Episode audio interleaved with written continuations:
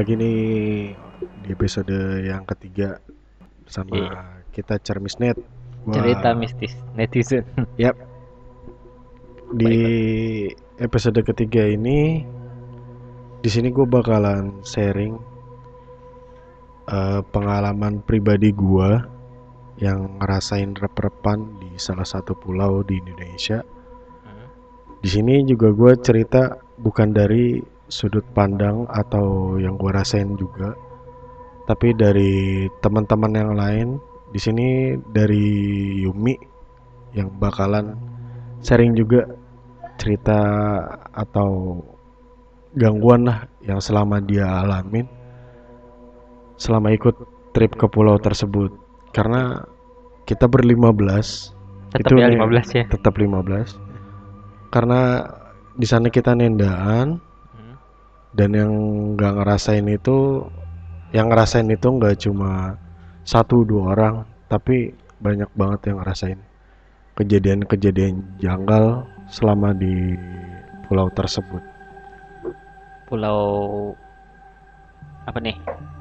Pulau tit. Nah oh itu ya sensor ya. Iya.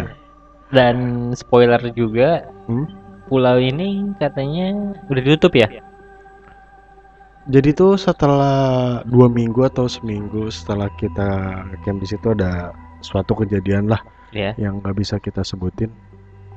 Dan hingga sekarang sih setahu gue itu ditutup. Tutup ya selamanya ya buat wisata? Yap betul banget. Karena emang banyak gangguan sih. Hmm. jadi waktu itu kita berlima belas ada gua Mas Bayu juga karena emang kita sering trip bareng. Hmm. di apa nama komunitasnya? Di koper bagasi. Karena emang ya bisa dibilang kalau setiap ngetrip selalu bareng mereka lah. Jadi waktu itu berlima belas semuanya dari koper bagasi dan ada salah satu dari teman gue. Jadi akhirnya pada jam 6 kita meeting point di salah salah tempat untuk nyebrang ke suatu pulau jadi waktu itu kita berlima belas sampai sana siang kita snorkeling dulu. Habis sela-sela snorkeling kita balik ke pulau tersebut untuk bangun tenda. Jadi bagi-bagi tugas lah biasa kayak ada yang bangun tenda terus ada yang nyiapin buat masak. Oh gue pikir bangun rumah tangga. Oh iya itu susah pak. Kalau saya sudah ada. Iya bapak masih kosong. Kosong Nah, jadi itu kita bagi-bagi tugas. Setelah tenda jadi sore itu Ya. masih aman. Nah, sebenarnya sebelum kita sampai ke pulau tersebut itu udah ngerasain salah satu kejanggalan sih. gua nih ya Iya, entah kenapa itu selama kita ngetrip baru kali ini yang namanya ngerasain ini kapal tuh mogok mesinnya. Itu perdana pas- banget tuh Perdana banget. Persis banget pas mau sampai. Itu kita udah ah, positif aja lah. Mungkin emang ada gangguan di mesinnya atau gimana. Nah, terus sekitar 15 sampai setengah jam itu baru bisa benar. Nah, karena pas sampai pulau itu rame.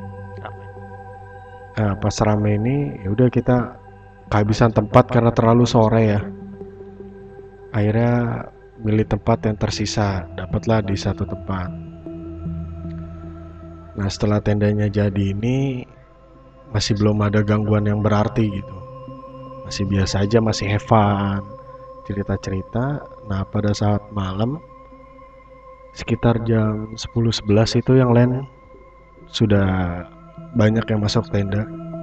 Di situ gua kebagian jaga pertama ada gua, Mas Bay, Mhm. satu lagi Bang Ugi. ya Ugi ya Nah, waktu itu matras persis di depan api unggun lah.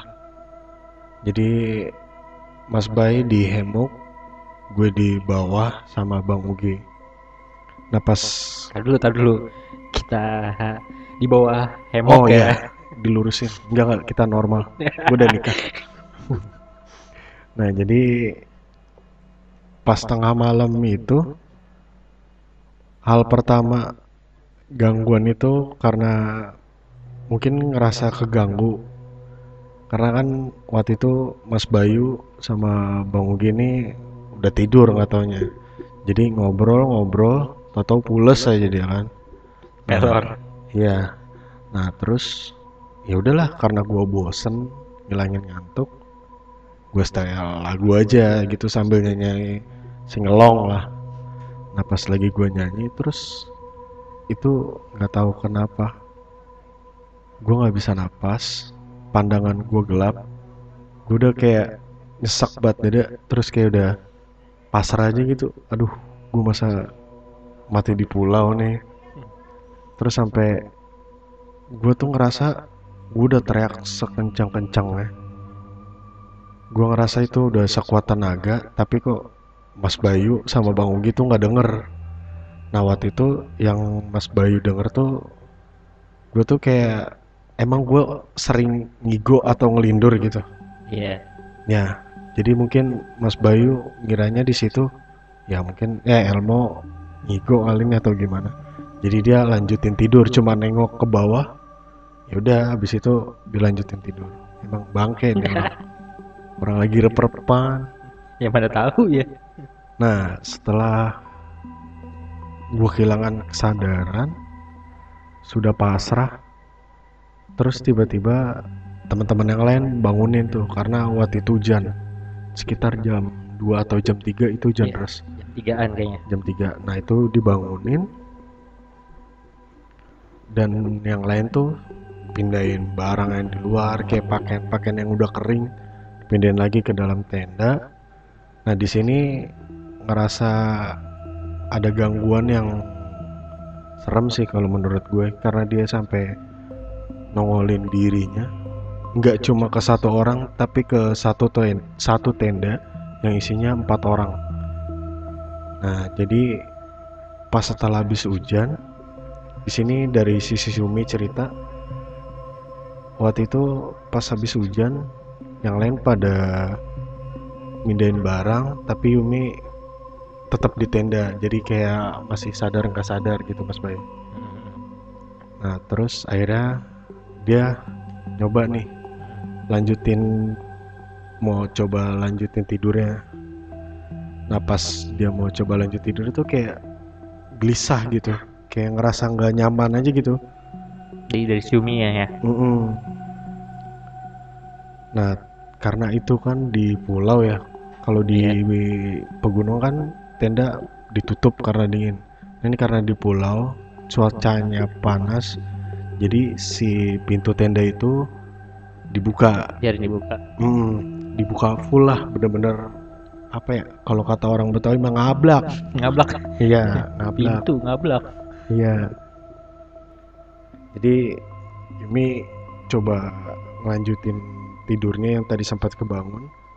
Pas Yumi mau ganti posisi dari yang sebelumnya eh, dari madep kanan ke madep kiri. Nah, itu kayak coba telentang lah. Hmm. Telentang itu madep atas karena kalau telentang sakit. Hmm, kita keselak tulang aja sakit, apalagi Apalagi telentang telentang. ya. Nah, nah posisi telentang dengan kepala atau mata itu madep ke pintu tenda. Nah, nggak sengaja lihat ke depan pintu tenda ada pocong lagi diam di situ. Mungkin dia pikir salah lihat. Nah, terus ditegesin, tegesin, kok semakin ngedeket. Nah, tiba-tiba si pocong ini masuk ke dalam tenda. Dia langsung Serem kaget, banget. langsung ngebalik tidur ngadep ke teman yang satu lagi. Hmm. Dan Yumi ini ngerasa nyubit-nyubitin teman satunya lagi nih untuk ngebangunin biar dia nggak tuh ngerasa nyaman lah. Biar niatnya sih biar si pocong ini cabut atau Cabut pergi lah. gitu. Nah karena temen ini dicubitin gak bangun-bangun akhirnya pasrah tuh. Dan itu nggak tahu lanjut tidur apa pingsan. Si Yuminya. Iya, nah, dia singkat cerita itu sudah pagi tuh bangun. Nah, jadi di tenda itu ada empat orang, udah bangun duluan dan keluar tenda. Nah, Yumi ini masih di tenda Setelah bangun sambil ingat kejadian semalam yang berasanya mimpi, si Yumi ngomong ke teman satu lagi, semalam kayaknya mimpi didatengin pocong deh. Nah, temennya ini bilang, nah loh, nggak lama pas keluar tenda, temennya ini bilang sama yang lain. Ternyata mereka berempat pun tuh melihat apa yang Yumi lihat yaitu sesosok pocong. Dan itu sebenarnya bukan mimpi. Dan yang ngerasain itu bukan cuma Yumi doang tapi keempat teman-temannya itu yang satu tenda juga ngerasain hal yang sama. Hal yang sama ya? Iya. Jadi mungkin pada saat diganggu dengan pocong ini kayak ngekip masing-masing gitu. Oke masing-masing. Baru diceritain paginya. Nah iya itu dari sisi Yumi. Dan di situ juga pada saat mereka masuk ke hemuk eh masuk maaf masuk ke tenda. itu ada satu headlamp ya.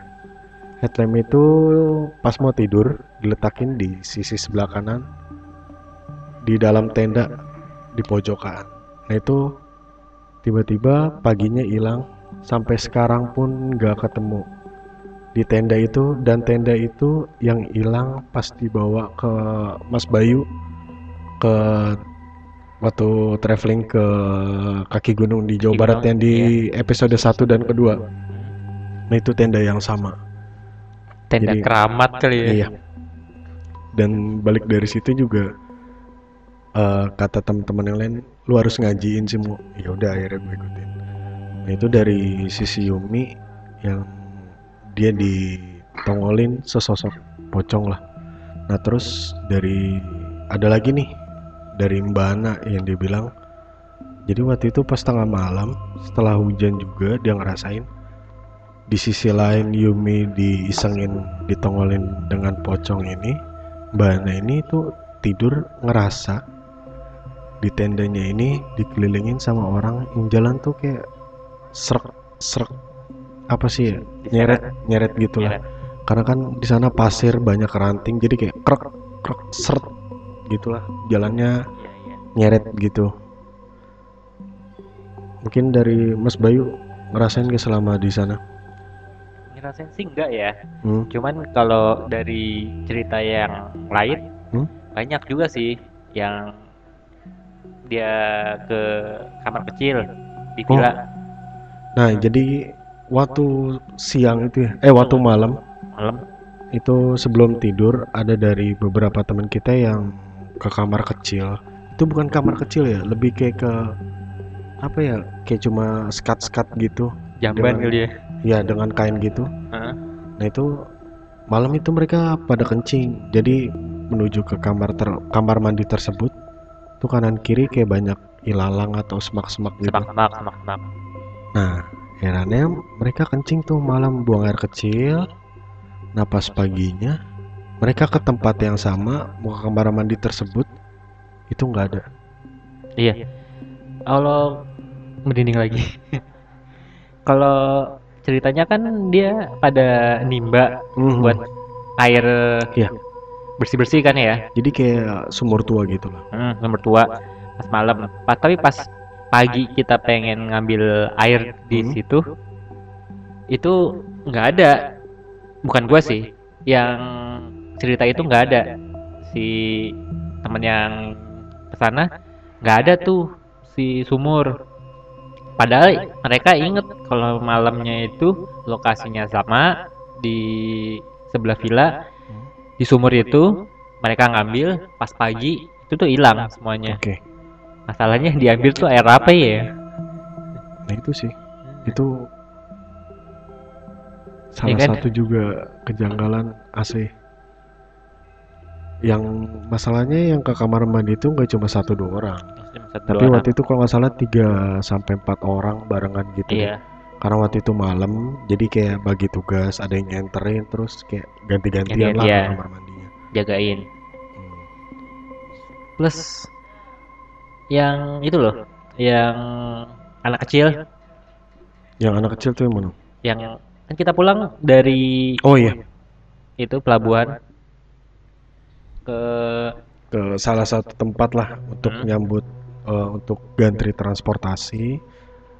kita kan naik angkot tuh. Iya, naik angkot kita itu berenam.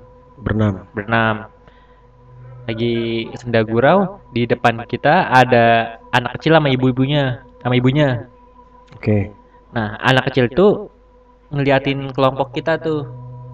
Ngeliat ke arah kita lah. ngeliat kita kita. Terusnya dia ngomong sama ibunya ini denger ya kita juga denger. Dia ngomong mah kok itu orang beda ya? Bentuknya aneh. Itu anak kecil sekitar umur 5 atau 4 tahun kali ya.